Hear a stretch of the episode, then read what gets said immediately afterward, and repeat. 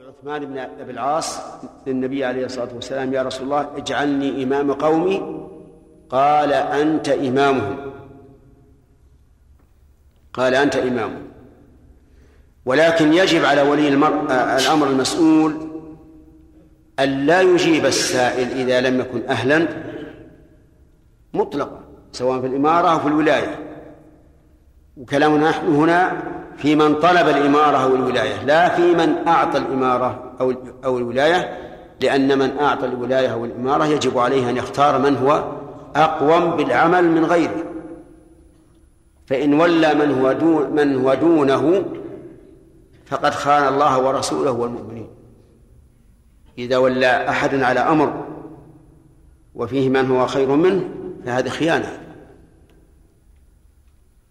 لكن كلامنا على الطالب. فصار طلب الإمارة منهي عنه. طالب الولاية لا بأس به إذا كان أهلا. وطلب ما بين ذلك ما بين ذلك إذا إذا لم يكن القائم على ذلك أهلا فلا بأس بسؤاله كقصة كقصة من؟ لا. قصة يوسف. لأن يوسف لم يسأل الولاية ولاية السلطة اللي هي الإمارة. إنما قال اجعلني على خزائن الأرض. أما أما موضوع أما الموضوع المناسب في الحديث لهذا الباب فهو قوله صلوات الله وسلامه عليه وإذا حلفت على يمين فرأيت غيرها خيرا منها. إذا حلفت على يمين المراد باليمين هنا ليست اليمين التي ينعقد بها الحلف ولكن اليمين التي حلف عليها. فالمعنى إذا حلفت على شيء إذا حلفت على شيء لأن اليمين حقيقة هي صيغة القسم ولا يستقيم الكلام إذا قلت إذا حلفت على قسم. ولكن المعنى إذا حلفت على إيه؟ على شيء. فرأيت غيرها خيرا منها. رأيت رؤية قلبية أو بصرية. ظهر قلبية لأنها أعم. غيرها خيرا منها فكفر عن يمينك وأت الذي هو خير. لا تقول حلفت فلا أفعل كفر عن يمينك وأت الذي هو خير.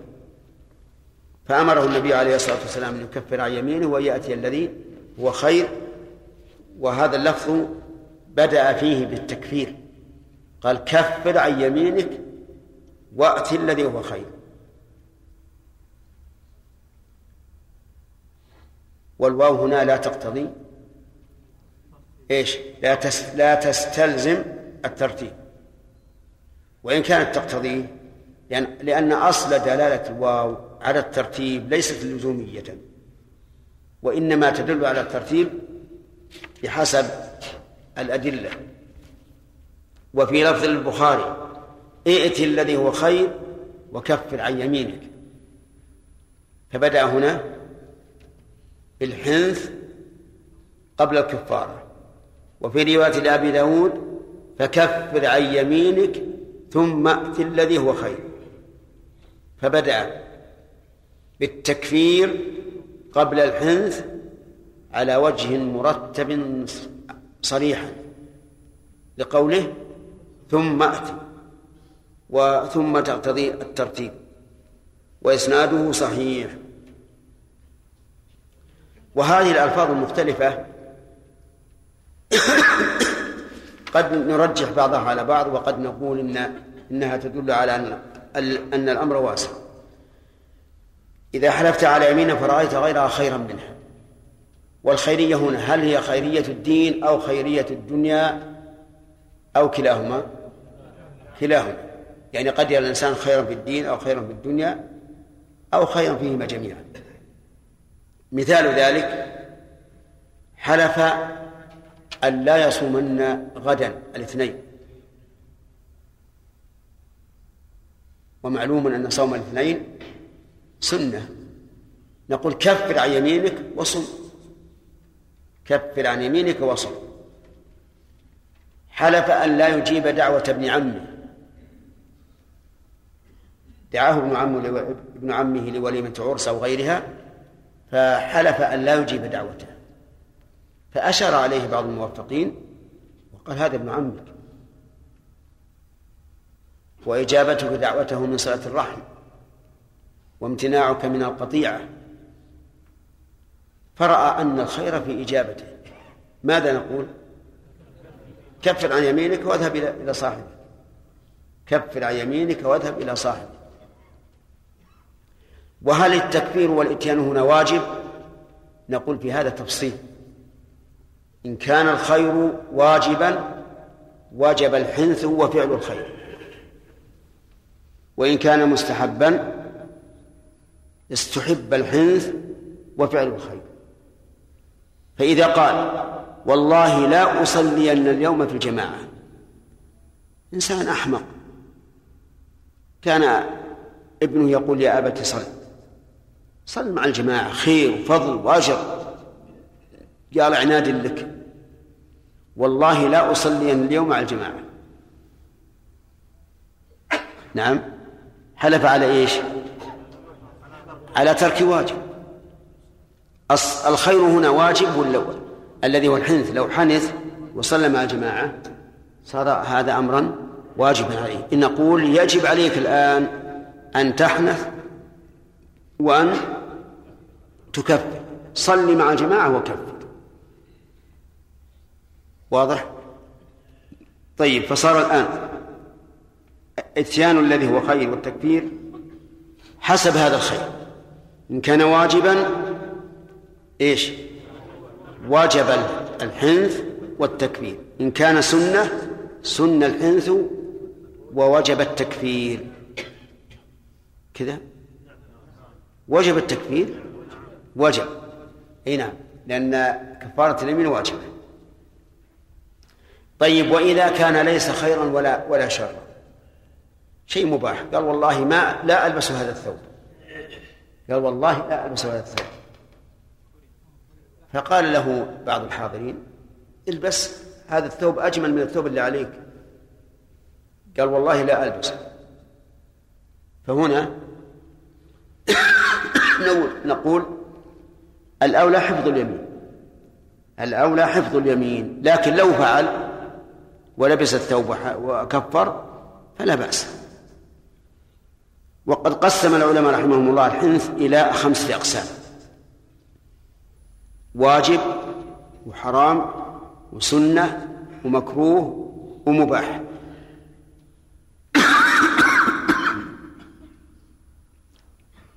عرفتم الأقسام؟ واجب. الحنث يعني قطع اليمين والكفارة إما واجب أو سنة أو حرام أو مكروه أو مباح. متى يكون واجبا؟ إذا توقف على الحنث فعل واجب. إذا توقف على الحنث فعل واجب أو ترك محرم صار الحنث واجبا.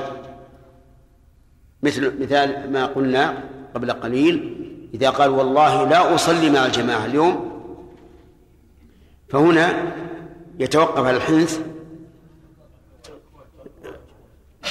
لا فعل واجب. إذا حنث يعني قطع يمينه وصلى هذا فعل واجب. فيكون الحنث واجبا. ويكون سنة الحنث إذا توقف عليه فعل إيش؟ فعل سنة. ويكون مكروها إذا توقف عليه فعل مكروه. فعل مكروه. مثلا أن يقول والله لآكلن الآن بصلا. والله لآكلن الآن بصلا البصل أكله مكروه عند قرب الجماعة. ماذا نقول؟ الحنث هنا هنا الحنث هنا؟ آه، لا مستحب. الحنث مستحب. يعني معناها أن لا يأكل. لكن لو قال والله لآكلن الآن بصلا. قلنا الحنث مكروه. المباح كما ذكرنا في في مسألة الثوب ولكن العلماء يقولون في قسم المباح حفظ اليمين أولى من الحنث لقول الله تبارك وتعالى واحفظوا أيمانكم. بقينا هل يكفر أولا ثم يحنث أو يحنث ثم يكفر؟ اختلف العلماء في ذلك بناء على اختلاف الروايات. ها؟ كيف؟ نعم. الحنث المحرم مثل لو حلف أن يسرق. انتبه للمثال. حلف أن يسرق أو أن لا يسرق. أن لا يسرق. فهنا إذا الحنث واجب. الحنث واجب. إذا قال والله لا أسرق فسرق. هذا الحنث. الحنث حرام أن يكون. الحنث هنا حرام. قال والله لا أسرق. هذا ترك محرم. فهنا لو سرق صار الحنث حراما. طيب ممكن أي طالب علم يأخذ صور كثيرة من هذا. أه، نقول إذا قلنا بأنه يحنث ويكفر. أيهما يبدأ؟ بأيهما يبدأ؟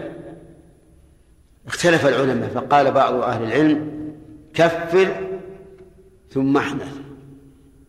وقال بعضهم احنث احنث ثم كفر بناء على اختلاف الروايات. والصواب أنه لا لا بأس بهذا ولا هذا. و و ولكن إذا كان التكفير قبل الحنث فإنه يسمى تحلة. وإن كان بعده فإنه يسمى كفاره إذا كان التكفير قبل الحنث يسمى تحلة لأنه حل اليمين. وإذا كان بعده سمي كفارة كفارة الانتهاك لليمين دليل ذلك قول الله تبارك وتعالى يا أيها النبي لم تحرم ما أحل الله لك تتبع مرضات أزواجك؟ والله غفور رحيم. قد فرض الله لكم إيش؟ تحلة أيمان وهو التكفير قبل الحنث. وقال تعالى ولكن يؤاخذكم بما عقدتم الأيمان فكفارته اطعام عشره مساكين هذا قبل الحنث أو بعده؟ بعد الحنث. فالصواب أن الإنسان إذا حلف على شيء وأراد أن يحنث نقول له أنت بالخيار. إن شئت فافعل ثم كفر وإن شئت كفر ثم ثم افعل. و فهذا هذا هذا هو القول الراجح أنه لا يتعين لا هذا ولا هذا. من فوائد هذا الحديث أن الأيمان لا تحرم الشيء ولا توجبه. لقوله فرأيت غيرها خيرا منها فكفر عن يمينك. ولو كانت تحرم أو توجب للزم مقتضاها. ومن فوائد هذا الحديث أن أنه ينبغي للإنسان أن يحنث في اليمين إذا كان خيرا. لقوله وإذ فرأيت غيرها خيرا منها فكفر عن يمينك وأت الذي هو خير. ومن فوائد الحديث الانتقال عن المفضول إلى الأفضل ولو عينه الفاعل. ينتقل عن المفضول إلى الأفضل ولو كان المفضول قد عين. دليله؟ كفر عن يمينك وأت الذي هو خير. ويدل لهذا قول النبي صلى الله عليه وعلى آله وسلم للرجل الذي نذر إن فتح الله على رسوله مكة أن يصلي أن يصلي في بيت المقدس. قال صل هاهنا فأعاد عليه قال صل هاهنا فأعاد عليه فقال له شأنك. فهذا يدل على أن الانتقال عن المفضول إلى الفاضل جائز ولو كان الفاضل المفضول قد عين وبناء على ذلك لو أن إنسانا أوقف بيتا على ما يفعله كثير من الناس فيما سبق على أضاحي وعشاء في رمضان ورأى الناظر أن يصرفه في بناء المساجد. فهل يجوز أن يغير شرط الواقف؟ الجواب نعم يجوز لأن هذا أفضل. فيكون الانتقال إلى الأفضل عن المفضول ولو كان معينا مما جاءت به السنة عن النبي صلى الله عليه وسلم. ومن فوائد هذا الحديث وجوب التكفير عن اليمين بالحنث لقوله كفر عن يمين. ومن فوائده جواز الإجمال في القول إذا كان قد فصل في موضع آخر. لقوله كفر عن يمينك ولم يذكر الكفارة لكنها كانت معلومة عند عبد الرحمن بن سمرة وأشباهه. فإذا كان التفصيل معلوما فلا بأس أن يخاطب بالمجمل. ثم قال وعن ابن عمر رضي الله عنهما أن رسول الله صلى الله عليه وعلى آله وسلم قال من حلف على يمين فقال إن شاء الله فلا حنث عليه. من حلف على يمين أي على شيء. من حلف على شيء بيمين فقال إن شاء الله فلا حنث عليه. رواه أحمد والأربعة وصححه ابن حبان. هذا فيه أن الإنسان إذا حلف على شيء وقرن اليمين بالمشيئة سواء تقدمت أو تأخرت فإنه ليس عليه حنث. مثال التقدم إن شاء الله نعم والله إن شاء الله لأفعلن كذا وكذا. ومثال التأخر والله لأفعلن كذا إن شاء الله. فإنه إذا إذا قال إن شاء الله لم يحنث أي لا تلزمه الكفارة ولو خالف ما حلف عليه. مثل أن يقول والله لآزورن فلانا اليوم إن شاء الله. ثم لم يزوره؟ إيش؟ لم يحنث. لا شيء عليه. أو قال والله لا أزور فلانا اليوم فزاره لكنه قال إن شاء الله. لم يحنث أيضا. وظاهر الحديث سواء أراد التحقيق أو أراد التعليق التعليق. أما الأو أما الثاني فظاهر إذا أراد التعليق. ظاهر أنه علقه بمشيئة الله ولو شاء الله أن يفعله لفعله.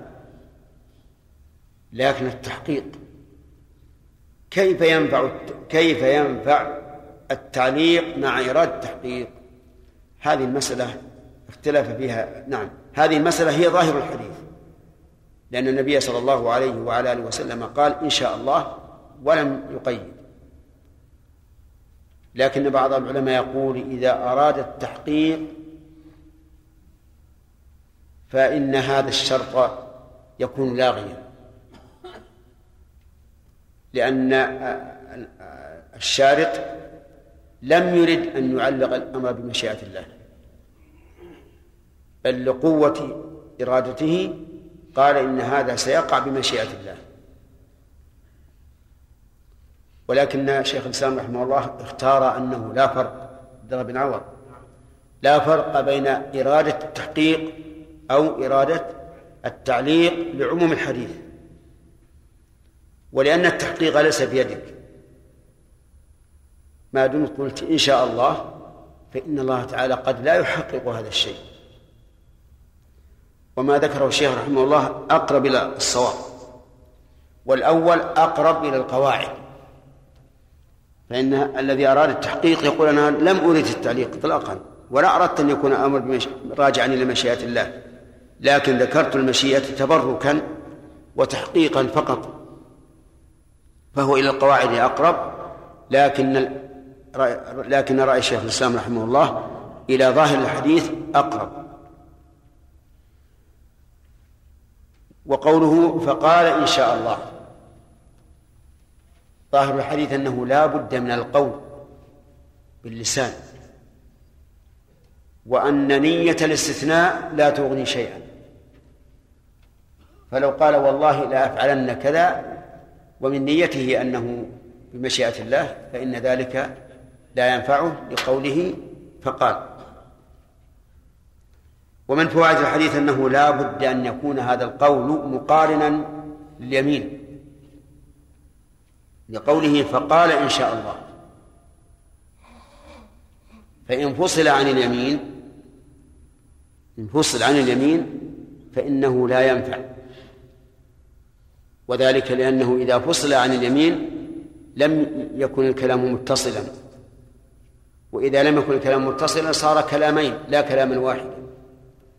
فلو قال والله لأزورن فلانا الليلة وبعد ربع ساعة قال إن شاء الله. فإن ذلك لا ينفعه. واختلف العلماء رحمهم الله هل يشترط في هذا أن أن ينوي الاستثناء قبل تمام المستثنى منه. أي أن ينوي أنه آه، أنه مقرون بمشيئة الله قبل أن يتم الكلام أو لا يشترط. فمن العلماء من قال يشترط أن ينويه قبل أن يتم الكلام. فإذا قال والله لأزورن فلانا الليلة إن شاء الله لا بد أن ينوي إن شاء الله قبل قوله الليلة. ولكن ظاهر السنة خلاف ذلك وأنه لا تشترط نيته بل لو أنه ذكر بعد أن أتم الكلام فله أن يستثني ودليل ذلك قصة سليمان حيث قال لأطوفن الليلة على تسعين امرأة تلد كل واحدة منهن غلاما يقاتل في سبيل الله فقال له الملك قل إن شاء الله فلم يقل قال النبي صلى الله عليه وعلى آله وسلم لو قال لو قالها لولدت كل واحدة منهن غلاما يقاتل في سبيل الله. وعلى هذا فإذا أقسم عليك أخوك قال والله لتدخلن. فتح لك الباب وقال لك تفضل وقلت لا. فقال والله لتدخلن. فقال له فقال أخوك قل إن شاء الله. فقلت إن شاء الله. هل تحنث لو لم يدخل؟ على القول الراجح لا. لا تحنث. لأنك قلت إن شاء الله. فإن قال من لا أقول إن شاء الله. ما نبقى إن شاء الله. نعم. يحنث. نعم.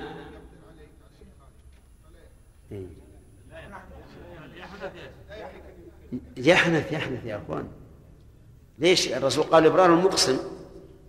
معناه أنك قد تحنث المقسم.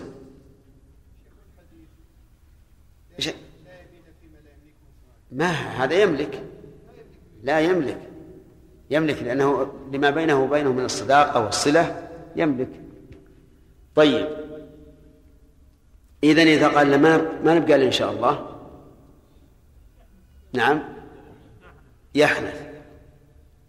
يحنث لكن اليمين على الكفارة على من؟ الحالف الذي هو صاحب البيت لا على من حنثه لأنه هو السبب لكن ما تكلم بشيء إلا أنه ينبغي للإنسان أن أن يبر المقسم وأن لا يحنثه إلا إذا كان هناك ضرورة فلا بأس وإلا مثل في مثل هذه الحال ادخل لأنه من من مكارم الأخلاق. بل هو مأجور بل أنت مأجور عليه لأن الرسول صلى الله عليه وسلم أمر بإبرار المقسم. نعم. لا هو الغالب أنه يريد الإلزام. الغالب أنه يريد الإلزام. نعم. لا يدخل على كل حال. الذي تكون إكرام مثل لو قال ادخل أنت الأول. فقال الثاني لا. قال والله أنت تدخل. هذا ظاهر أن المقصود الإكرام. على أن المسألة فيها خلاف يعني ما لم يذهب أحد إلى أنه إذا كان المقصود الإكرام فلا حنث فيما أعلم إلا الشيخ الإسلام رحمه الله. نعم. هو جاء وقت الأسئلة؟ نعم. سبق لنا وأن ذكرنا في أول الباب أنه يجوز للحالف أن ينوي الاستثناء سرا. نعم. لا. هذا الذي سبق. لا لا لا. لا التخصيص غير الاستثناء يا إخوان. كيف؟ لا. اللفظ العام يجوز للحالف أن يخصصه؟ قال والله لا أكلم أحدا. أحدا هذا عام. نكرة في سياق النفي وأنا مرادي لا أكلم أحدا في هذا البيت. فالنية تخصص العام وأما الاستثناء فلا بد من النطق به. ليس هذا مقصود يا شيخ. نعم. إذا أنا أخطأت في الكتابة. أنا عندي يا شيخ أنه يجوز أن يذكر أن يذكر الحالف إن شاء الله سرا مع ذكر اليمين جهرا. أحسنت إيه. يذكرها سرا يذكرها نعم. بالنطق. بارك الله فيك. نعم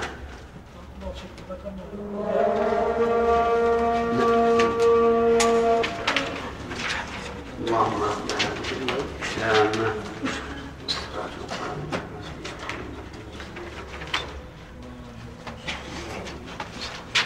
نعم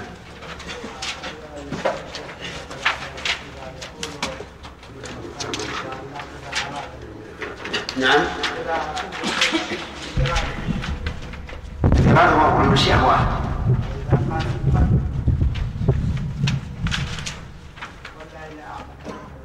إيش؟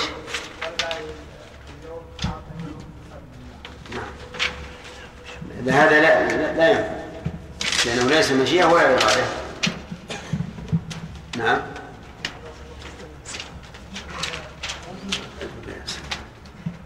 سمير انت يتوضا نعم يتوضا سام نعم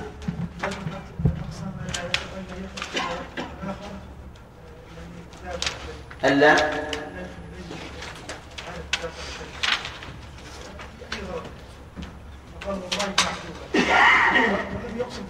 والله إيش؟ ما محظور نعم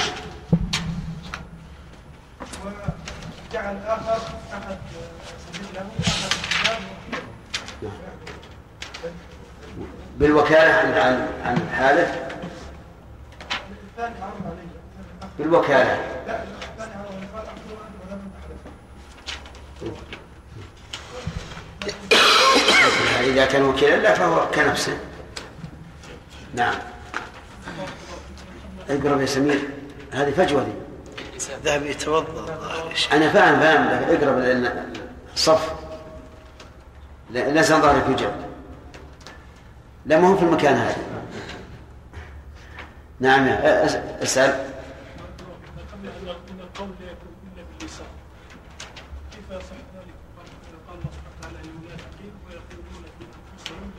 مقيد.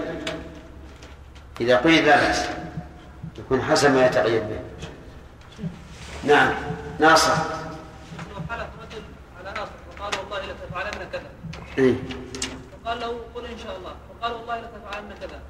وهذا يذكر الاستثناء وهذا يذكر اليمين. فهل ينفع الاستثناء بعد ذلك؟ اي نعم. ما دام لم ينقضي الكلام ينفع. سؤالك شيخ الانتقال من المفضول إلى الفاضل. الانتقال من المفضول إلى الفاضل نعم. ذكرناها في الوقت. نعم. هل يجوز للقائم على الوقت أن ينقل مثلا إذا كان وقت لأيتام أن ينقلها إلى المسجد؟ لا لا. إذا كان الوقف على معين ما يمكن ينقل. يعني مثل ولهذا إحنا ما ما مثلنا بالمعين. معين مثل على الذرية على فلان ما يمكن ينقل. ذكرنا انه شيخ ينقل مثلا للظاهر يعني قلنا إذا كان أضاحي وعشاء نعم. الأضاحي والعشاء ما هي بوقف على فلان. انتهى عمل بر. انتهى الوقت. انتهى الوقت. نعم؟ زاد نعم. يعني إيش؟ يزاد الوقت شوي طيب عشر دقائق لا هو الأ- هو الأحسن إذا إذا أعلنت الساعة قبل الأذان نبهون يعني يمكن ما أسمع أحيانا. أحيانا تصير مسألة متصلة يا شيخ. إيه. ما ينبغي إحنا ما نقدر إيه. مسألة مشكله مثل اليوم ما قدرنا. نعم. اليوم كنت في مسألة صعبة. طيب. إن شاء الله القادم الدرس القادم نعم نعم. نعم. ما هو إذا قال الخالق والله لآكلن الآن البصل والبصل أصله مكروه عند خروج الصلاة ونقول الإنس هنا إيه. وش يقول؟ نعم. أكل لا, لا آكلن لا آكلن البصل. ها؟ توكيد؟ لا الصواب لا أكلن أي لا الصواب لا آكلن أي صحيح. صحيح. وال- والله لا آكلن صفحة كم؟ 15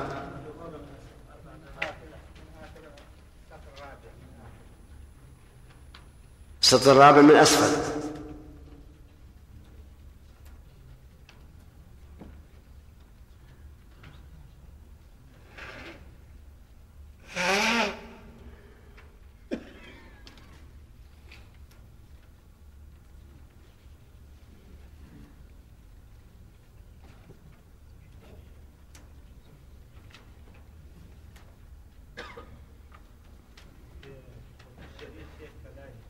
ها؟ يعدله يعدله يا موسى.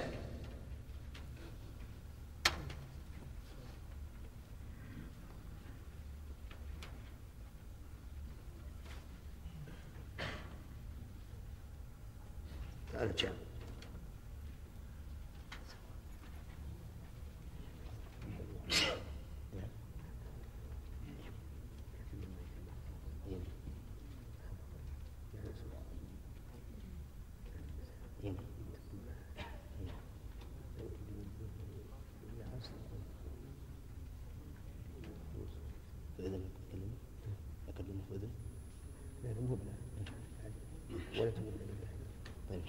نعم. بسم الله الرحمن الرحيم. نقل الحافظ رحمه الله تعالى في كتاب البيوع في كتاب الايمان والنذور عن ابن عمر رضي الله تعالى عنهما أن رسول الله صلى الله عليه وسلم قال من حلف على يمين فقال إن شاء الله فلا حنث عليه. رواه أحمد والأربعة وصححه ابن حبان. وعنه قال كانت يمين النبي صلى الله عليه وسلم لا ومقلب القلوب. رواه البخاري. وعن عبد الله بن عمرو رضي الله تعالى عنه قال جاء أعرابي إلى النبي صلى الله عليه وسلم فقال يا رسول الله ما الكبائر؟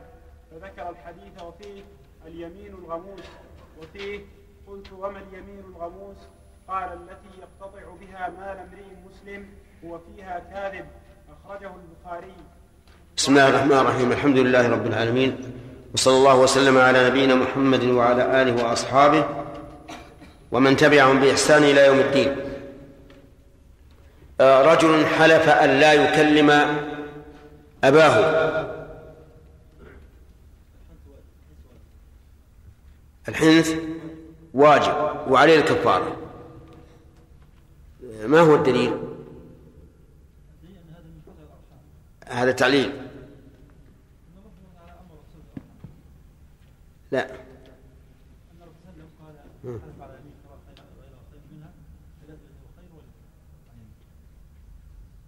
نعم. وهذا لا شك أنه خير. وهو خير واجب فيجب الحنث. طيب.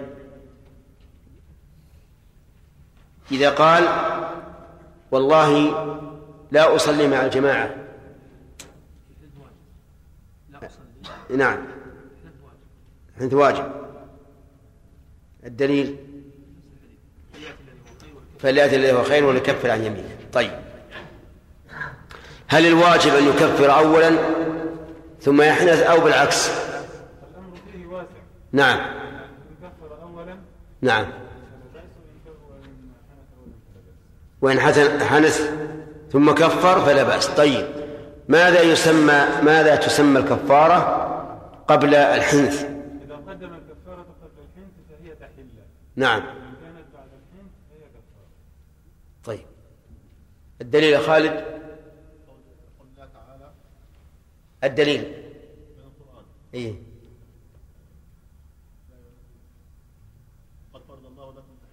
إيش اللي قبله؟ لا. لا لا. لما تحرم؟ نعم يا أيها النبي لما تحرم ما أحل الله لك تبتغي مرضات أزواجك والله غفور رحيم قد فرض الله لكم تحلة أيمانكم أحسن ما هو الدليل على أنها بعد الحنث كفارة للسلام؟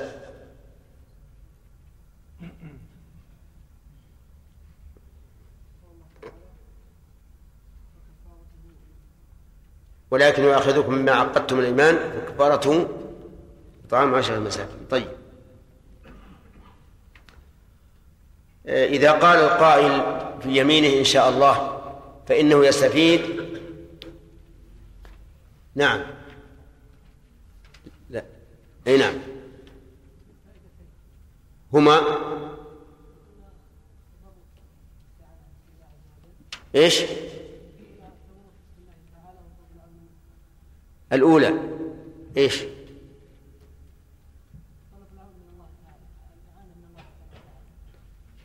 أن الله يعينه على ذلك. والثانية؟ فليس عليه كفارة. طيب. هل يشترط أن يقولها نطقا؟ سعد. أو يجوز أن ينويها بقلبه؟ الدليل. لقوله فقال إن شاء الله. طيب. هل يشترط أن يجهر بها؟ سمير. يعني لو حلف على صاحبه. يمينا وقال إن شاء الله سرا. تنفعه؟ تنفعه. لأنه قال. طيب.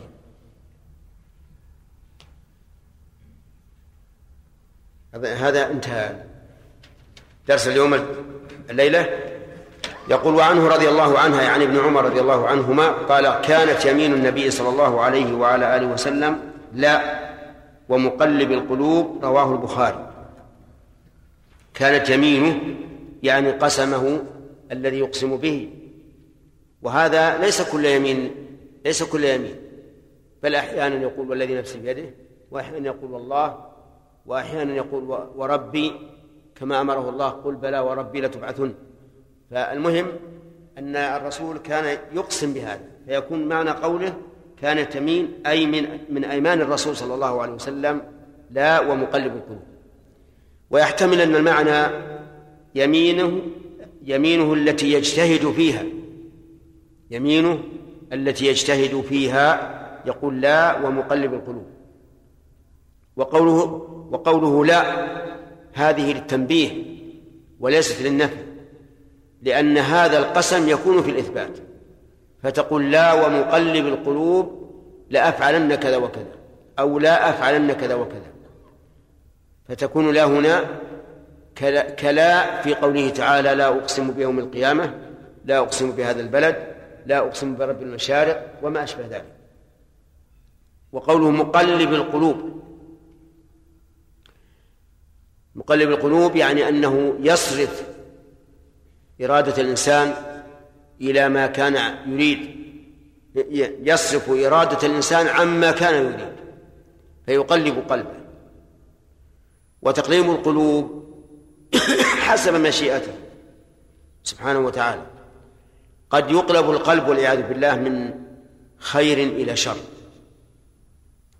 ومن أسباب تقليب القلوب إلى شر أن لا يقبل الإنسان الحق أول مرة ويكون عنده تردد. فإن الله يقول ونقلب أفئدتهم وأبصارهم كما لم يؤمنوا به أول مرة أي لأنهم لم يؤمنوا به أول مرة. فإذا رأيت من نفسك أنه لا يقبل الحق لأول مرة يتبين له. فاعلم أنك على خطر أنك تبتلى بأن ترد الحق ولا تؤمن به. وهذا كقوله تعالى بل كذبوا بالحق لما جاءهم فهم في أمر مريج تختلط عليهم الأمور ويضلون والعياذ بالله.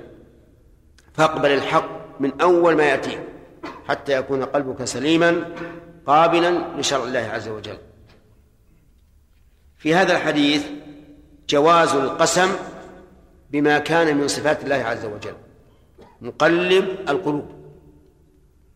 ولكن هذا مشروط بما إذا كانت الصفة خاصة بالله عز وجل. وذا مثل تقليب القلوب لأنه لا أحد يقدر على تقليب القلوب إلا الله عز وجل. أما إذا كانت الصفة تكون لله ولغيره فهذه إن نواها لله فهي يمين.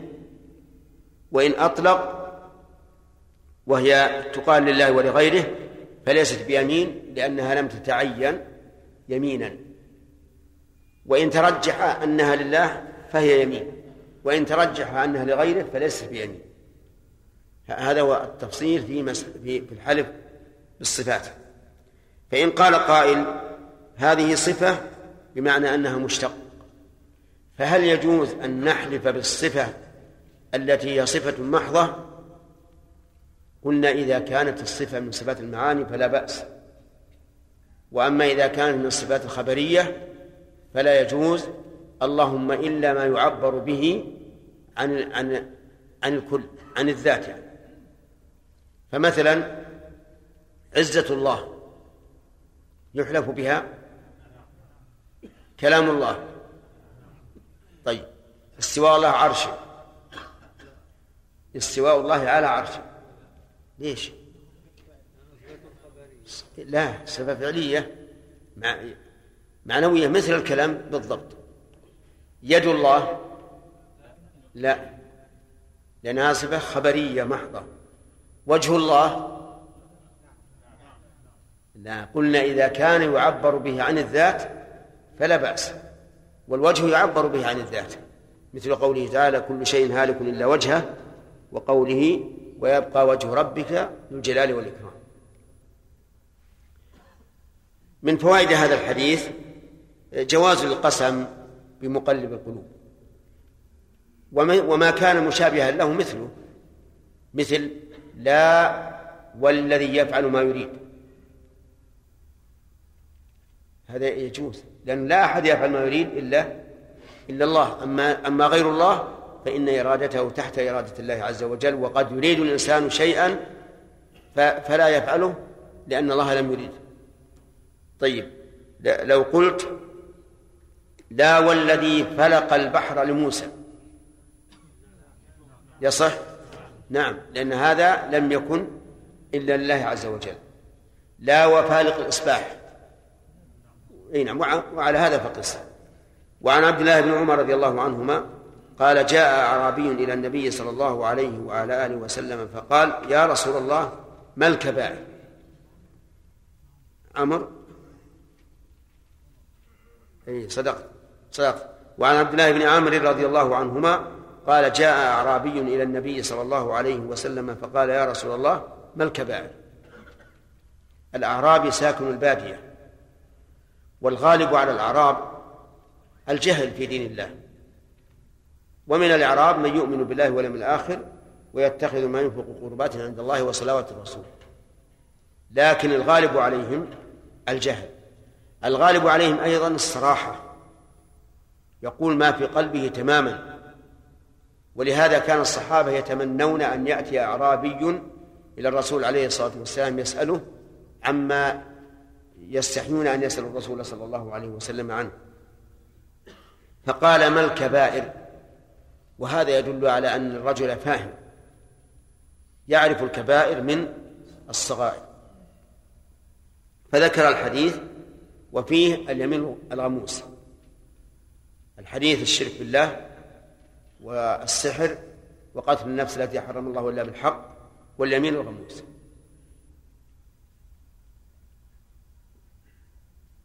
فما هي الكبائر؟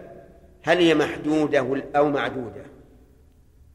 من العلماء من قال إنها معدودة وصار يعددها ومنهم من قال إنها محدودة. فمنهم من قال كل ذنب ترتب عليه لعنة أو غضب أو نفي إيمان أو تبرؤ منه أو ما أشبه ذلك فهو كبيرة ورأيت لشيخ الإسلام كلاما قال فيه كل ذنب رتب عليه عقوبة خاصة فهو كبير. وذلك لأن الذنوب منها ما يستفاد بالنهي المطلق أو ما يستفاد بمطلق النهي. هذا لا يكون كبيرا. ومنها ما يذكر عليه عقوبة خاصة كنفي الإيمان والتبرؤ منه واللعنة والغضب والحد وما أشبه ذلك فهذا يكون يكون كبيرا. والكبائر والكبائر نفسها تتفاوت. كما في حديث أبي بكر ألا أنبئكم بإيش؟ بأكبر الكبائر. يقول فذكر حديث وفيه اليمين الغموس. غموس فعول وهي صيغة مبالغة. والغمس بمعنى غط الشيء في شيء آخر. وهي وسميت بذلك لأنها تغمس صاحبها في الإثم ثم تغمسه في النار. قلت ما اليمين الغموس؟ قال هي التي يقتطع بها مال امرئ مسلم هو فيها كاذب. هذه اليمين الغموس. الذي يقتطع بها مال امرئ مسلم. هو فيها أي في هذه اليمين كاذب. يقول أخرجه مسلم. لا عندي أخرجه مسلم. طيب يراجع. نعم يراجع. نعم. يقول نعم.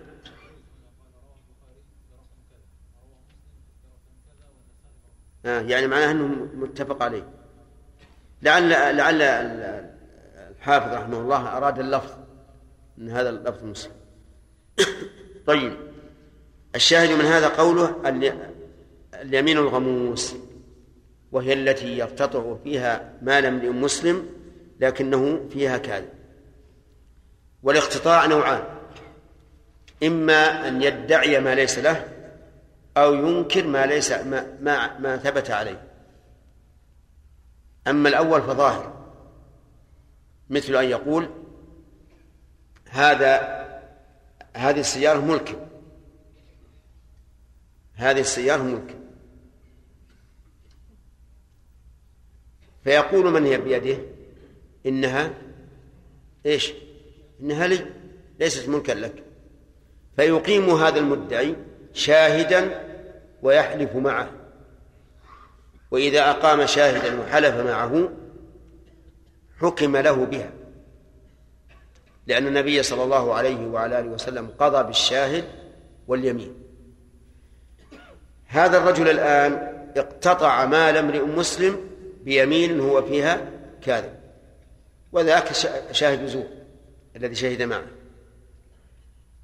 الثاني أن يجحد ما يجب عليه مثل أن يقول له شخص في ذمتك لي مئة ريال فيقول لا ثم يحلف بأنه ليس في ذمته له مئة ريال فحينئذ يكون اقتطع من من ماله لأن الأصل أن ما في ذمة هذا المطلوب لمن؟ للطالب فإذا أنكره وجحده وحلف عليه فقد اقتطعه. ففي هذا الحديث من نعم. في هذا الحديث من الفوائد أولا حرص الصحابة رضي الله عنهم على السؤال والبحث عن الدين. وهذا من نعمة الله عليهم وعلى الأمة لأن جميع ما يسأل عنه الصحابة يقع أيضا في قلوب الناس من بعدهم. فتكون إجابة الصحابي كإجابة ما يرد على القلوب ممن بعده ومن فوائد هذا الحديث أن الذنوب تتفاوت. من فوائد هذا الحديث أن الذنوب تتفاوت. كبائر وصغائر. والكبائر أيضا تتفاوت. منها السبع الموبقات وهي أشدها ومنها ما دون ذلك. ومن فوائد هذا الحديث أن اليمين الغموس من كبائر الذنوب وهي التي يقتطع بها مال امرئ مسلم.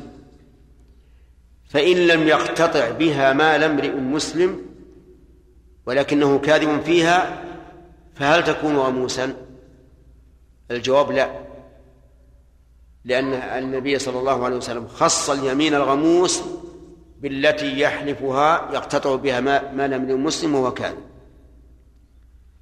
ولكن إذا حلف على شيء ماض هو فيه كاذب فهل عليه كفارة؟ كاذب يا جماعة لماذا؟ لأن الكفارة إنما تكون في اليمين على المستقبل ومن فوائد هذا الحديث أنه لو حلف على يمين يقتطع بها مال امرئ غير مسلم فليست يمينا غموسا هكذا نقول لا هي يمين غموس إذا كان هذا ممن عصم ماله ودمه. لكن ذكر النبي صلى الله عليه وعلى آله وسلم المسلم لأن ذلك هو الغالب وإلا فمن له حرمة وعصمة كالمسلم. ومن فوائد هذا الحديث أنه ينبغي للإنسان أن يسأل عن المبهم عن المبهم. لئلا يفهمه على خلاف المراد. الدليل أنه سأل عن اليمين الغموس. قلت وما اليمين الغموس؟ فبينه. وهل فيها كفارة؟ هذه اليمين الغموس التي حلف يقتطع بها مالا من المسلم وهو فيها كاذب. هل فيها كفارة؟ لماذا؟ لأن على شيء على شيء ماضي. وعن عائشة رضي الله عنها في قوله تعالى لا يؤاخذكم الله باللغو في أيمانكم. قالت هو قول الرجل لا والله وبلا والله أخرجه البخاري ورواه أبو داود مرفوعا. البخاري رواه عن عائشة ويكون فيكون موقوفا. وأبو داود رواه مرفوعا أي إلى النبي صلى الله عليه وعلى آله وسلم. وأيا كان فهو حجة. لأنه إن كان من عند رسول فهو تفسير القرآن بالسنة.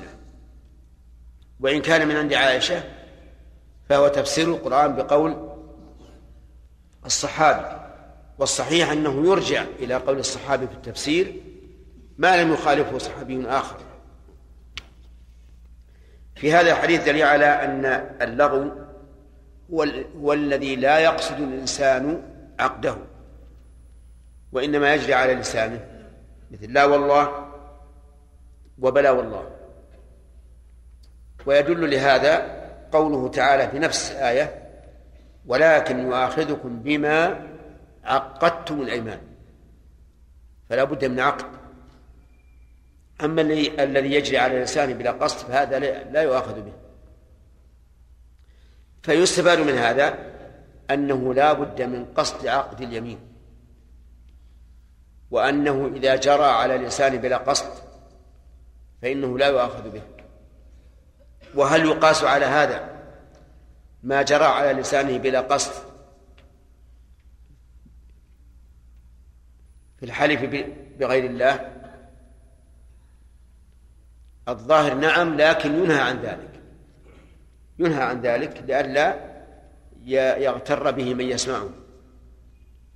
وهل يلحق بذلك أيضا من طلق زوجته بلا قصد؟ الجواب نعم يلحق بذلك. لكن عند المحاكمة يعني لو حاكمته فإن الحاكم ليس له إلا الظاهر. وعليه فيدين هذا الرجل بالنسبة للطلاق الذي وقع منه على امرأته بمعنى أن يقال له أنت ودينك إن كنت لم تنوي الطلاق فلا طلاق عليك وإن كنت قد نويت الطلاق فإنها تطلق. لكن عند المحاكمة لا لا يحكم الحاكم إلا بما ظهر من كلامه.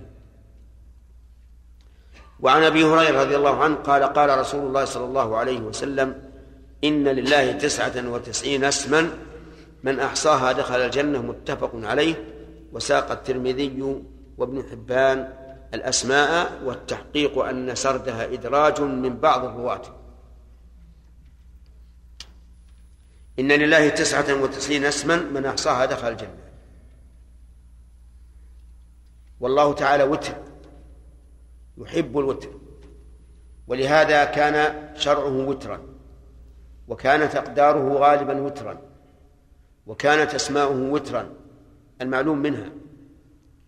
فكان له تسعة وتسعون اسما من أحصاها دخل الجنة وهي مبهمة.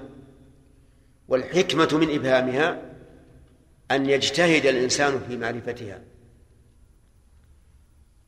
كما أخفيت ليلة القدر ليجتهد الناس في العمل وأخفيت ساعة الإجابة في الجمعة وكذلك ساعة الإجابة في الليل من أجل أن يجتهد الناس في طلبها.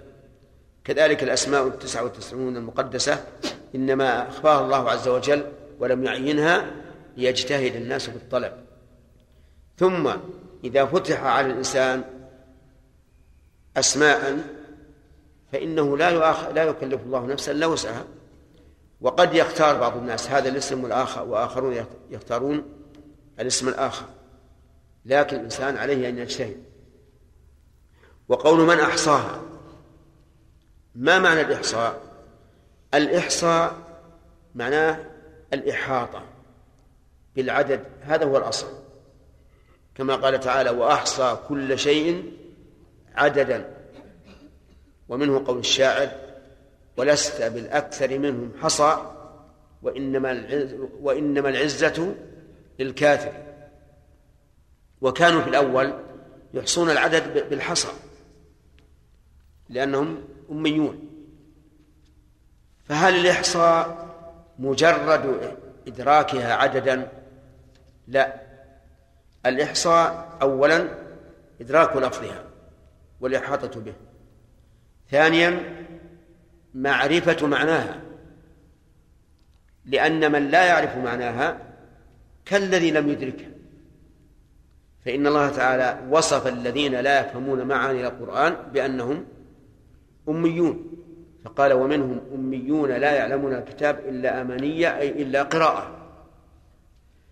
فمن حفظ الأسماء ولم يعرف المعنى فإنه لا يعد محسنا لها لأن حفظه وعدمه سواء. الثالث التعبد لله بمقتضاه. التعبد لله بمقتضاها بمعنى أن الإنسان يتعبد لله تعالى بمقتضى الاسم فإذا علم أن من أسمائه السميع تعبد لله بمقتضى هذا هذا الاسم كيف ذلك؟ يحذر كل قول يغضب الله عز وجل عرفتم؟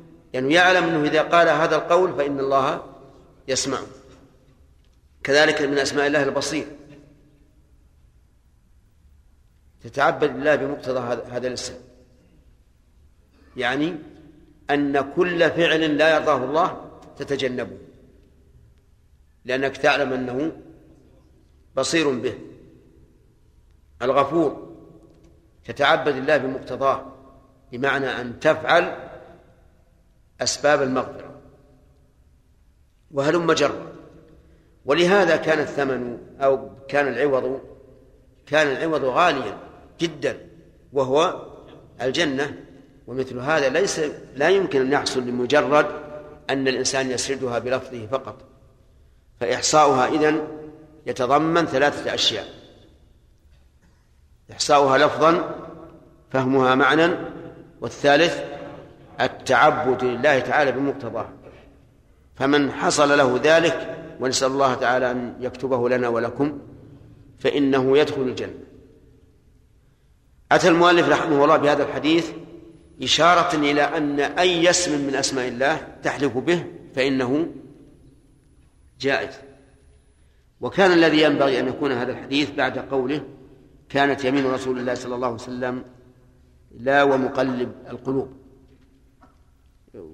ولكن الإنسان عند التأليف ربما يفوته الترتيب. فإن قال قائل كيف نجمع بين هذا الحديث وبين حديث ابن مسعود رضي الله عنه في دعاء الغم والكرب؟ أسألك بكل اسم هو لك سميت به نفسك أو أنزلته في كتابك أو علمته أحدا من خلقك أو استأثرت به في علم الغيب عندك. فإنما استأثر الله بعلمه في علم فإنما استأثر الله به عنده في علم الغيب. لا يمكن إدراكه ولا إحصاء ولا يمكن أن يقال عدده كذا أو كذا. فالجواب أن يقال إن معنى هذا الحديث إن لله تسعة وتسعين اسما معناه أن من أسماء الله عز وجل تسعة وتسعين من أحصاها دخل الجنة. وعلى هذا فتكون الجملة من أحصاها دخل, دخل الجنة متعلقة بالجملة التي قبلها وليست منفصلة عنها. كأنه قال إن من أسماء الله تسعة وتسعين اسما من أحصاها دخل الجنة. ونظير ذلك أن تقول عندي ألف ريال أعددتها للإقراض. عندي ألف ريال أعددتها للإقراض يعني من جاء يقترض أعطيته منها. فهل هذا يعني أنه ليس عندك غيرها؟ لا يعني لا يعني ذلك. ولا سيما والذي معنا أنه جاء الحديث أو استأثرت به في علم الغيب عندك. تبين الجمع الآن نعم. واضح. طيب. وقول مالك رحمه الله التحقيق أن سردها إدراج من بعض الرواة. الإدراج هو أن يدخل أحد الرواة في الحديث كلاما من عنده بدون بيان. بدون بيان. وحكمه أنه حرام. إلا أن يتعلق بتفسير للحديث أو ما أشبه ذلك. وإلا فلا يجوز للإنسان أن يدخل في كلام الرسول صلى الله عليه وسلم ما ليس عنده بدون بيان. لكن يفعلها بعض الرواة إما لأنه أتى بالحديث غير مدرج في مكان آخر وقد علم ذلك أو لأن الكلمة آه، تكون شرحا لمعنى الحديث مثل حديث كان النبي صلى الله عليه وسلم يتحنث في غار حراء. قال الزهري والتحنث التعبد. هذا نقول قاله شرحا للحديث. لا فلا بأس. أما أن يأتي بكلام مستقل بدون بيان فهذا لا يجوز. فعلى هذا إدراج هذه الأسماء يعتبر محرما إلا إذا وجد في بعض الألفاظ أنه بين أنه مدرج. نعم. وعن أسامة بن زيد رضي الله عنه قال قال رسول الله صلى الله عليه وعلى آله وسلم من صنع إليه معروف فقال لفاعله جزاك الله خيرا فقد أبلغ في الثناء قوله من صنع إليه معروف يعني أسدي إليه المعروف سواء كان هذا المعروف مالا أو جاها أو منفعة بدن أو غير ذلك. أي معروف يصنع إليك ويسدى إليك فإنك مأمور بأن تكافئه. تكافئه. بماذا؟ بما يليق. وإذا كنا نكافئه بما يليق فمن الناس من يليق أن نكافئه بمثل ما أعطانا ومن الناس من لا يليق به إلا الدعاء. فالناس يختلفون. ليس كل ليس كلهم على حد سواء. مثلا لو أهدى إليك رجل كبير غني غنى واسع واسع أهدى إليك هدية تساوي مثل ألف ريال. هل من المستحسن أن تكافئه بألف ريال؟ نعم. لا. حتى هو ينتقدك. فمثل هذا يدعى له. ولو ولو أسدى إليك فقير أسدى إليك شيئا نعم يساوي مائة ريال. فما مكافأة هذا الفقير؟ أن تعطيه ألف ريال؟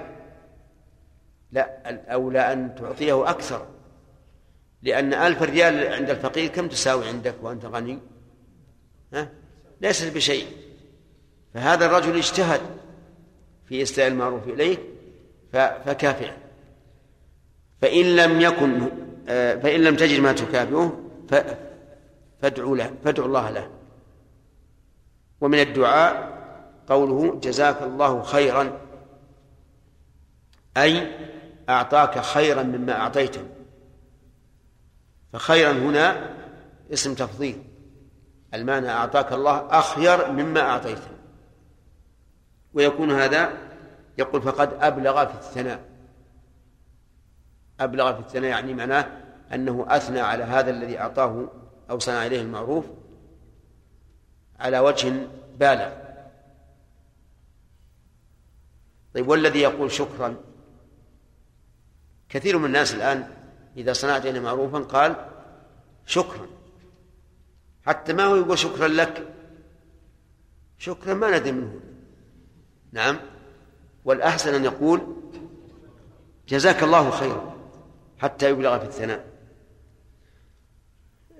عندكم في الشرح معك الشرح ماذا يقول؟ مناسبة الحديث للباب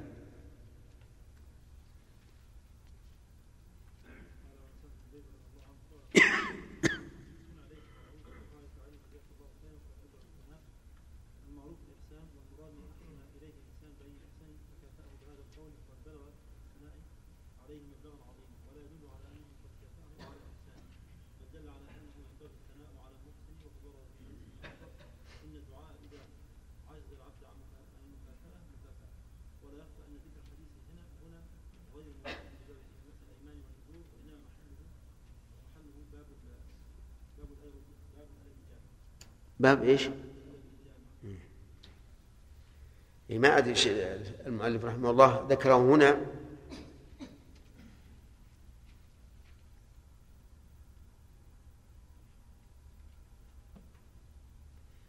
لا لا يظهر لوجه ذكره هنا. ثم قال وعن أبي وعن ابن عمر رضي الله عنهما عن النبي صلى الله عليه وسلم أنه نهى عن النذر. وقال إنه لا يأتي بخير وإنما يستخرج به من البخيل. قوله نهى عن النذر. النذر هو أن يلتزم الإنسان بالشيء. سواء بلفظ النذر أو لفظ العهد أو غير ذلك. ولهذا قيل في معناه إلزام المكلف نفسه طاعة غير واجبة. هذا هو النذر الذي يجب الوفاء به. والنذر بمعنى الأعم إلزام المكلف نفسه شيئا يقوم به فعلا أو تركا. وهذا الحديث يقول نهى عن النذر. والأصل في النهي التحريم وإلى هذا ذهب بعض أهل العلم.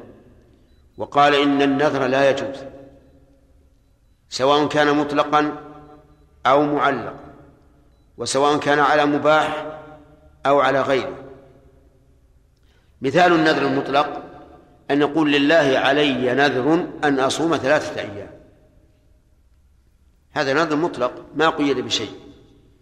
مثال النذر المعلق أن يقول لله علي نذر أن أصوم ثلاثة أيام إن شفى الله مريض. هذا نذر معلق. ومن ذلك ما ذكره الله في الآية ومنه من عاهد الله لئن آتانا من فضله لنصدقن ولنكونن من الصالحين. هذا نذر معلق على إيش؟ على إغناء الله إياه لنصدقن ولنكونن من الصالحين. والنذر نذر غير العبادة مثل أن يقول لله علي نذر أن ألبس الثوب الفلاني. لله علي نذر أن أركب السيارة الفلانية. هذا نذر نذر غير طاعة. وسيأتي إن شاء الله تقسيم النذر في في الدرس القادم إن شاء الله. نعم.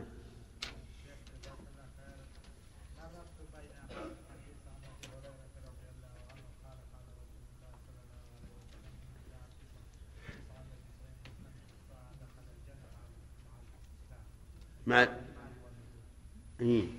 ما ذكرناه؟ ذكرنا الفائدة هداية الله. وجه المناسبة أن أنه يشير إلى أن أي اسم من أسماء الله حلفت به فإنه جائز. نعم. أي. الخبرية المحضة هي التي نظيرها أبعاض لنا. هذه هذه الخبرية المحضة. لأن هذه غير معقولة ولا له معنى في معنى نعم اليد هذه خبرية محضة. ولهذا لو فسرناها إلى معنى وقلنا اليد هي القوة والنعمة صار خطأ. نعم.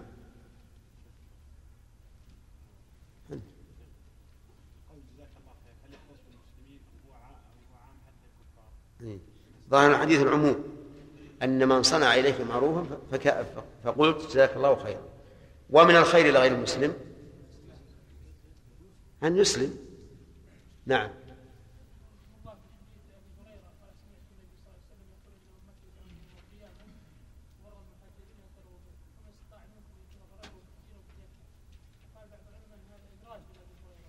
إي نعم. كأنه تفسير. كأنه رضي الله عنه فهم أنه ينبغي تطويل الغرة والتحجير كتفسير الحديث نعم. فؤاد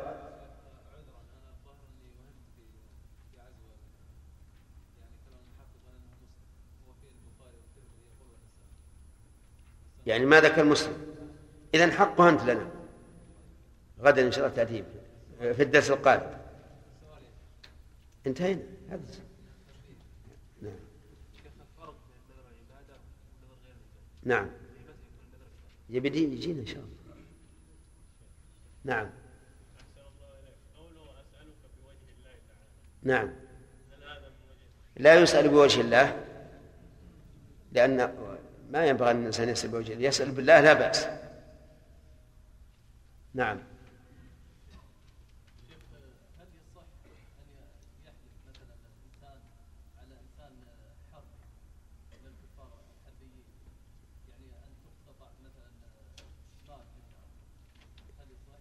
أي نعم.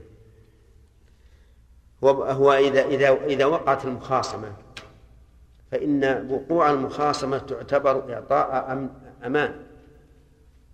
وإذا كان له أمان فإنه لا يجوز أن يخونه. ولو كان حربيا. لكن ياخذ إيمانه بدون بدون يمين نعم. سليم.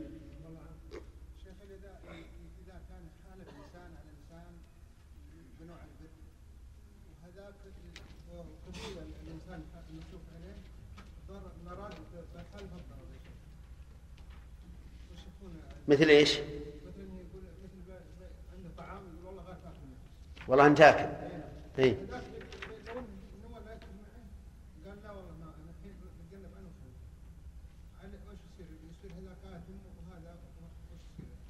إبرار المقسم مما أمر به الرسول عليه الصلاة والسلام. أمر بإبرار المقسم.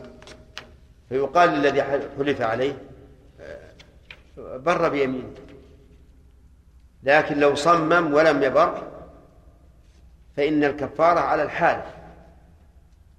الذي حنثه نعم خالد.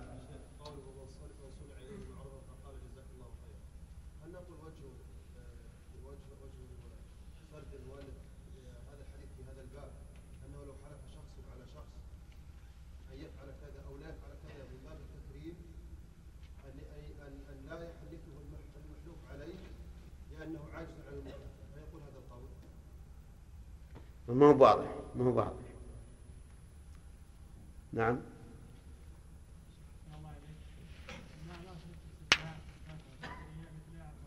إيش؟ أي نعم ها؟ أي نعم هل تعرف الخبرية المحضة؟ إيه، لكن ليس ليس ليست معاني يعني نظيرها أبعاض لنا وأجزاء منا. هذه لا يحلف بها إلا الوجه لأن الوجه يعبر به عن الذات. نعم. بعض الناس يقول جزاك الله ألف خير. إيه. أو خيرا كثيرا. يزودون. إيه. بس ألف خير ما هي بشوية أنه يقول عن التكثير لا بأس شيء ما فيها شيء. جزاك الله خيرا كثيرا ما في بأس شيء نعم.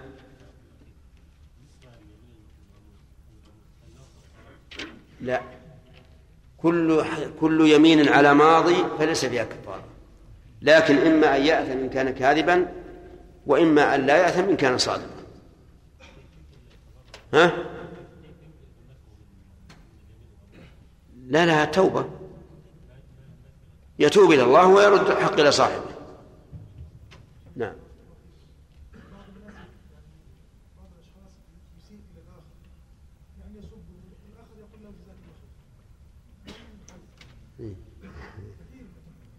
إيه. هذه من من باب قول الله تعالى ادفع بالتي هي أحسن. ها؟ لا بأس لا بأس. إذا قال معناه أنه دفع بالتي أحسن إيه؟ فرق بين اللي بيأخذ يعاقب مثل ما عوقب به وبين اللي بيسمح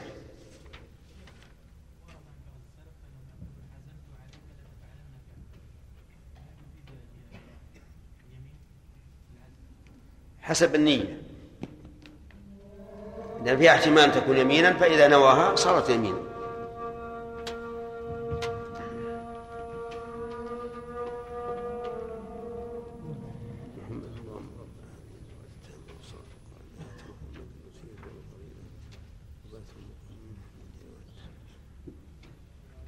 يحيى. نعم. لا هذه ما يجوز. شرك. لا يعد اللسان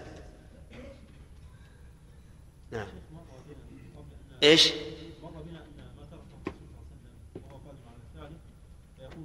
مع وجود السبب.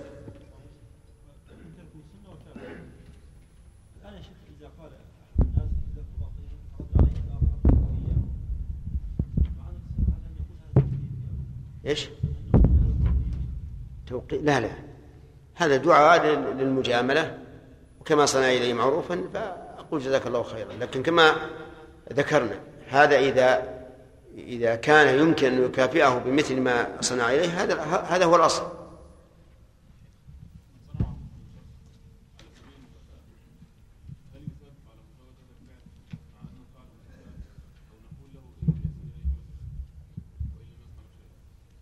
يعني إنسان أهدى شخصا شيئا لأجل أن يكافئه؟ ها. يعني رد عليه معروفا ما في شك إنه يثاب اولا لأنه امتثل أمر الرسول عليه الصلاة والسلام ولأنه قطع المنة على على نفسه ولأنه أيضا قطع طمع أخيه كان أخوه يريد أن يكافئه. فهي عدة جهات. نعم.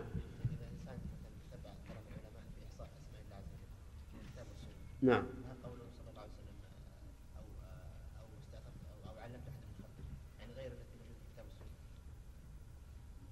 ما ندري. ما قد يكون الله علم علم الأنبياء السابقين أشياء ما نعرف. من اسماء الله. والكلام مو على أو علمت أحد من خلقك. الكلام على قول أو استأثرت به في علم الغيب عندك هذا الذي استاثر به لا لا لا سبيل إلى علمه ولا لاحصائه حسب ما يرد.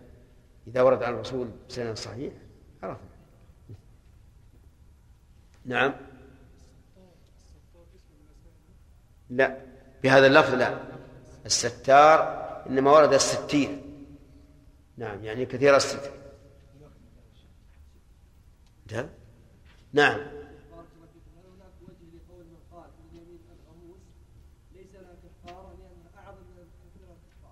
نعم. لا الصواب ان ان, أن ترجع للقاعدة.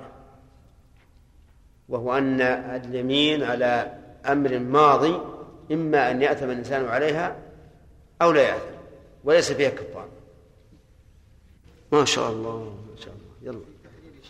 ها؟ في كل ما سبق ها؟ نعم. طيب. ماذا نستفيد من حديث عبد الله بن عمر؟ كانت يمين النبي صلى الله عليه وسلم لا ومقلب القلوب. هل نستفيد الحصر وأنه لم يحلف بسواها؟ نعم. ها؟ أنه يقول كانت يمين رسول الله لا ومقلب القلوب. ما الدليل؟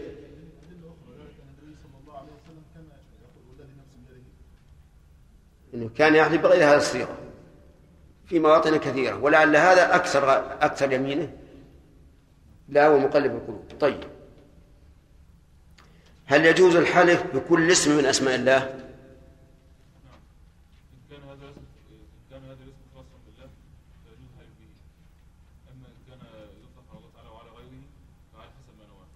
طيب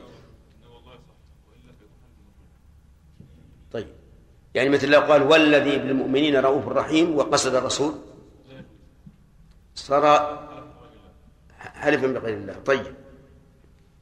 في الحديث إن لله تسعة وتسعين اسما من أحصاها دخل الجنة وفي حديث آخر إن له أسماء استأثر الله بعلمها. إبراهيم كيف نجمع؟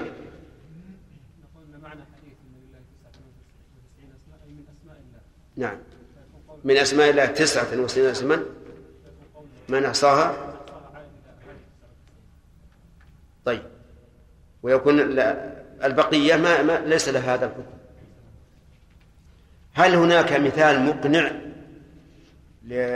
للذهاب إلى هذا الجمع؟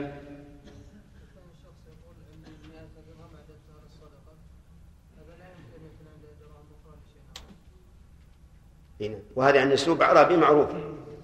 وأما من حدها بتسعة وتسعين كابن حزم رحمه الله فهو بعيد من الصواب. وكيف ذلك؟ والله والرسول يقول أو استأثرت به في علم الغيب عندك. طيب أدوات القسم نحن لم نذكرها في الواقع لكنها واضحة.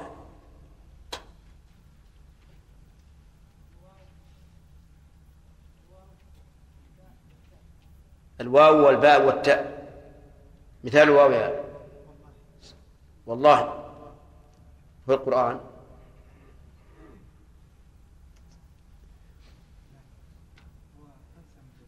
في القرآن. في القرآن لا قصدي مثال من القرآن.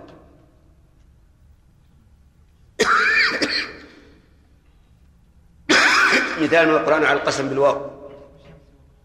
نعم. تمام. الثاني يحيى لا لا قسمه مثال ثاني. الحرف الثاني. الواو حروف القسم ثلاثة الواو.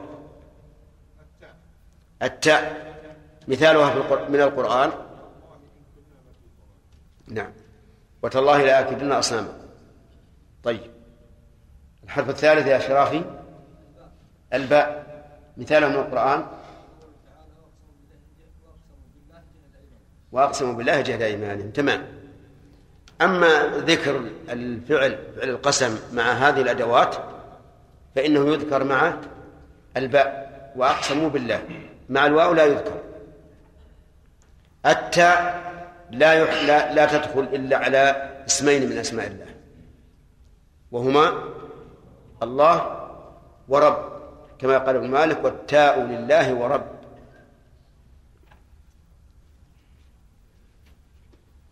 ذكر الرسول صلوات الله وسلامه عليه أن من أحصى الأسماء دخل الجنة. فما معنى إحصائها يا عبد الرحمن؟ إحصاؤه عددا لفظا. ثاني معرفة معناها ثالث التعبد لله بمقتضاها تمام. إذا معناه لابد أن نعرف المعنى معانيه. طيب. لو قال لنا القائل كل اسم من أسماء الله فهو متضمن لصفة ولا عكس. صحيح هذا سامي؟ صحيح؟ كل اسم. إيش؟ ولا عكس؟ توافقون على هذا؟ طيب. هل يمكن أن يتضمن الاسم أكثر من صفة؟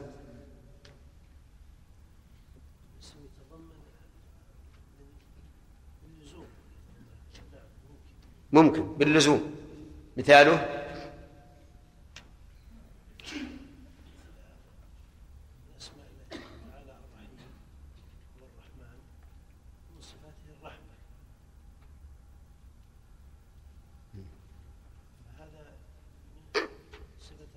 صفة الرحمة. إيش؟ لا الرحمة صفة ثانية إيه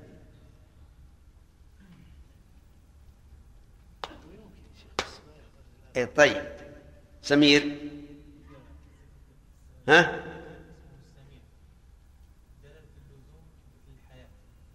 إيه. إيه. لأنه لا سمع إلا بحياته طيب والأرض يوم يومئذ تحدث أخبارها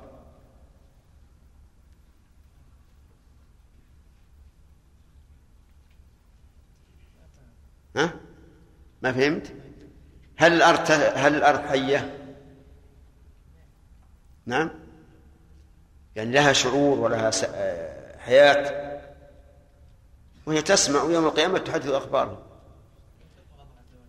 الخالق. الخالق من أسماء الله. يتضمن صفة الخلق.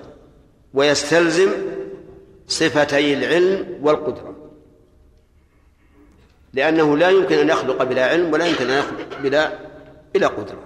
طيب فإذا حلف الإنسان قال والخالق أو والخلاق فمعناه أنه حلف بما بما يشمل ثلاث صفات. طيب. آه، النذر لم نأخذ منه شيئا. طيب نبدأ بالنذر إن شاء الله. فنقول النذر هو إلزام المكلف نفسه شيئا سواء طاعة أو غير طاعة. إلزام المكلف وعلم من قول العلماء المكلف أنه لا يلزم من لم يبلغ وأن وأن من لم يبلغ لو نذر لم نلزمه بنذره. لماذا؟ لأنه ليس أهلا للوجوب ليس أهلا للوجوب. كل العبادات عليه غير واجبة إلا الزكاة لأنها حق مالي والنفقات أيضا لأنها حق للمخلوق. فإلزام المكلف نفسه شيئا. لا نقول طاعة لأن النذر قد يكون طاعة وقد يكون غير طاعة. وقد قسم أهل العلم رحمهم الله النذر إلى خمسة أقسام. نذر طاعة ونذر معصية ونذر مباح ونذر يمين ونذر لم يسمى أقسام خمسة نذر طاعة ونذر معصية ونذر مباح ونذر يمين والثالث نذر لم يسمى الخامس الخامس نذر لم يسمى هذه أقسام النذر. ولكل قسم منها حكم.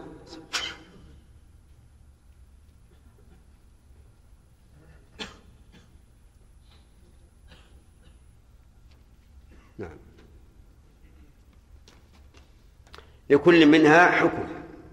أولا نذر الطاعة بأن يقول لله علي نذر أن أصوم يوم الاثنين غدا. هذا نذر طاعة لأن الصوم من العبادة وتخصيصه بيوم الاثنين عبادة أخرى. فيلزمه أن يصوم متى؟ يوم الاثنين. ونذر الطاعة تارة يكون معلقا بشرط وتارة يكون مطلقا. المعلق بالشرط مثل ما حكى الله عن المنافقين منهم من عاهد الله لئن آتانا من فضله لنصدقن ولنكونن من الصالحين فلما آتاهم من فضله بخلوا به وتولوا وهم معرضون. ويقع هذا كثيرا. كثير من الناس إذا أيس من مريضه قال لله علي نذر إن شفى الله مريضي لأتصدقن بألف ريال أو لأصومن شهرا أو لا أصلين عشرين ركعة مثلا. هذا نذر إيش؟ معلق ولا غير معلق؟ معلق. متى وجد الشرط لزم المشروط إذا يجب الوفاء بنذر الطاعة سواء كان إيه؟ معلقا أو مطلقا يعني غير معلق. دليل ذلك قول النبي صلى الله عليه وسلم من نذر أن يطيع الله فليطعه. من نذر أن يطيع الله فليطعه. ولم يذكر سوى الطاعة. ولا بد من ذلك. ولو خالف الإنسان فلم يطع الله لكان على خطر عظيم. والخطر العظيم هو قوله تعالى فأعقبهم نفاقا في قلوبهم إلى يوم يلقونه بما أخلفوا الله ما وعدوه وبما كانوا يكذبون. وهذا خطر عظيم. نفاق إلى الموت نسأل الله العافية. لأنه أخلفوا أخلفوا الله ما وعدوه وكذبوا. فقالوا لنصدقن ولنكونن من الصالحين ولم يحصل شيء من ذلك. الثاني ضد ذلك نظر المعصية. مثل أن يقول لله علي نذر لا ليشربن الخمر. لله علي نذر ليشربن الخمر. هذا نذر معصية حرام. فلا يجوز الوفاء به. لا يجوز الوفاء به. لقول النبي صلى الله عليه وسلم من نذر أن يعصي الله فلا يعصه طيب. ولأن الوفاء به مضادة لله عز وجل ومحادة له. كيف ينهاك الله ينهاك الله عنه وأنت تتقرب إليه بفعله؟ هذا مستحيل عقلا. ولكن هل يلزمه كفارة يمين؟ في هذا خلاف بين العلماء. ويأتي إن شاء الله الكلام عليه في شرح الحديث الآتي في كتاب في الكتاب. الثالث نذر مباح. مثل أن يقول لله علي نذر لألبسن هذا الثوب الليلة. هذا مباح. لأنه إن شاء لبسه وإن شاء لم يلبسه. إن لبسه لم يأثم وإن ترك لبسه لم يأثم. هذا نذر مباح. فما حكمه؟ قال العلماء يخير بين فعله وكفارة اليمين. يعني إن شاء فعله ولبس الثوب الذي نذر أن يلبسه هذه الليلة وإن شاء لم يلبس ولكن عليه كفارة يمين. لأن هذا النذر في حكم اليمين إذ أنه إنما نذر لإلزام لإلزام نفسه.